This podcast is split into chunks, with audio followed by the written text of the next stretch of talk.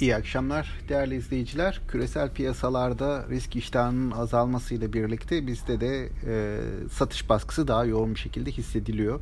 Özellikle bir süredir hani e, toparlanma beklediğimiz ve bu bilanço döneminde bir toparlanma görebileceğimizi düşündüğümüz banka hisselerinde bu yoğun. Tabi aynı şekilde yurt dışı bankalar tarafında da bir zayıflık var.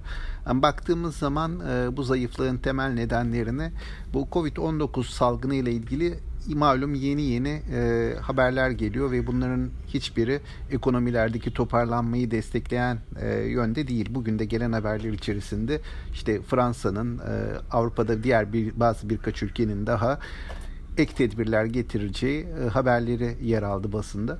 Bunlar neticede e, ekonomik toparlanmayı geciktirici haberler. E, buna ilaveten yine Amerika tarafında mali teşviklerin seçim öncesi mali teşviklerin tartışılmaya devam ettiğini görüyoruz. Orada da hani bu paketin seçim öncesi çıkmama ihtimali daha ağır basıyor. Ancak bugün Trump yaptığı bazı açıklamalarla hani seçilmesi halinde mali teşviklerin daha güçlü bir şekilde sağlanacağını hatta vergi indirimleri olacağını beyan etti. Ancak bunun piyasalar tarafında çok fazla bir karşılığı olmadı şimdiye kadar. Yani Amerika hisse senetleri de bugün genelde satıcılı bir seyir izledi. Bizim yine piyasada dikkat çeken noktalardan birisi sanayi endeksi ile bankacılık endeksi arasındaki farkın açılmaya devam etmesi. Biliyorsunuz bu yıl başından beri ve özellikle Mart ayından bu yana yani Covid salgınının çıkmasından bu yana sanayi endeksi hisseleriyle bankalar arasında performans farkı giderek açılıyor. Bu bir süredir hani bir dönüş olabilir mi beklentisinin de oluşmasına neden oldu piyasada.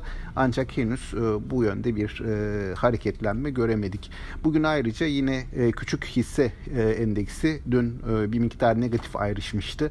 E, bugün tekrardan BIST 100'e göre daha iyi bir performans gösterdi ve dünkü kayıplarını da kapatmış oldu. E, bu haftanın ve gelecek haftanın en önemli gündem maddesi Merkez Bankası'nın yapacağı ee, bu para politikası kararı gelecek hafta e, bu konuda piyasa fiyatlamalar yapmaya çalışacak. Bir de ayrıca bu hafta sonu açıklanacak e, açıklanması beklenen Karadeniz'deki ek doğalgaz rezerv miktarı. Piyasa bu e, iki faktörü fiyatlayarak gelecek hafta yoluna devam etmeye çalışacak. Yani bu anlamda hani şimdilik e, yurt dışı piyasaların e, bir miktar bu hafta sonuna kadar etkili olabileceğini sonrasında da e, bu bahsettiğim iki faktörün fiyatlara dahil edileceğini düşünüyorum. Bu zayıf geçen günün ardından yarınki açılışların e, yine küresel piyasalara bağlı kalacağını tahmin ediyorum.